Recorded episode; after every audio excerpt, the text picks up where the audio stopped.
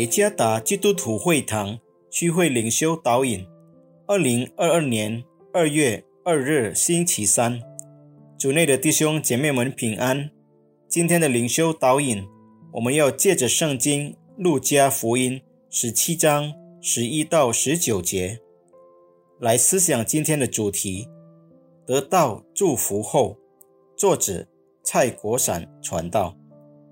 路加福音十七章十一到十九节，耶稣往耶路撒冷去，经过撒玛利亚和加利利，进入一个村子，有十个长大麻风的迎面而来，远远的站着，高声说：“耶稣夫子，可怜我们吧！”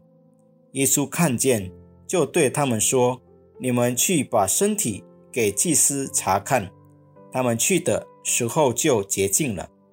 内中有一个见自己已经好了，就回来大声归荣耀与神，又俯伏在耶稣脚前感谢他。这人是撒玛利亚人。耶稣说：“洁净了的不是十个人吗？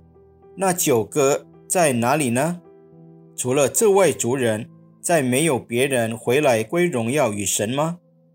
就对那人说：“起来，走吧，你的信救了你了。”一个人的心性和品格的态度，不是在得到祝福之前或得到祝福的时候，而是在得到祝福之后才会非常明显。像这个农历新年，相信每一个过年的人都会感到幸福，因为他们可以。进入新的一年，可以享受到新的一年的美好和团聚，甚至不是少数孩子或年轻人以红包的形式获得祝福。当你在农历新年得到祝福时，你当然很高兴。收到红包的小孩或年轻人非常开心，但问题是。得到这个祝福之后呢？是否我们只为自己保留祝福，使用得到的祝福来奢华宴乐，甚至对现有的礼物更不满意？或者我们从未想过使用这些祝福来荣耀和感谢那位施予祝福者？在今天的灵修经文中，撒玛利亚。麻风病人是唯一一个在接受医治祝福后回到基督身边的人，而其中九人没有这样做。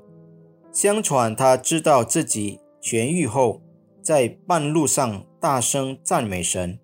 十五节必须明白，他在祭司面前展示自己的位置是在以色列，而他是撒玛利亚人。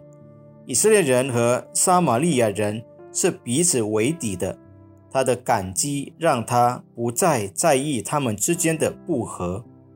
马蜂病人大声赞美上帝，他赞美上帝，直到他回来与主耶稣相见，直接感谢他。这位圣经作者想要给那些得到很多上帝祝福的犹太人一个对比，但他们忘记了。没有荣耀他，其他九名可能有犹太血统的麻风病人，代表了这种态度。耶稣说：“撒玛利亚是的信心，是得救信心的特征。”十九节，专注于基督并荣耀他的信仰，是不分种族、民族的信仰。在得到神的祝福之后。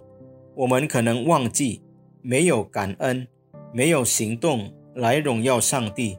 我们高兴了一会儿，然后就忘记了。但如果我们有得救的信心，那么我们就会有正确的内心反应。我们会用荣耀他的行动来感谢上帝。在被神带领进入新的一年之后，我们会以荣耀神。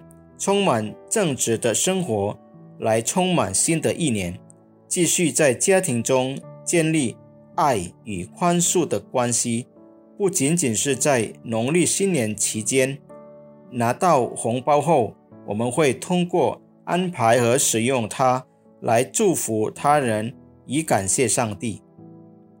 感谢和荣耀上帝是一种内心的态度，一种始终有有得救信心的人所采取的行动。愿上帝赐赐福弟兄姐妹们。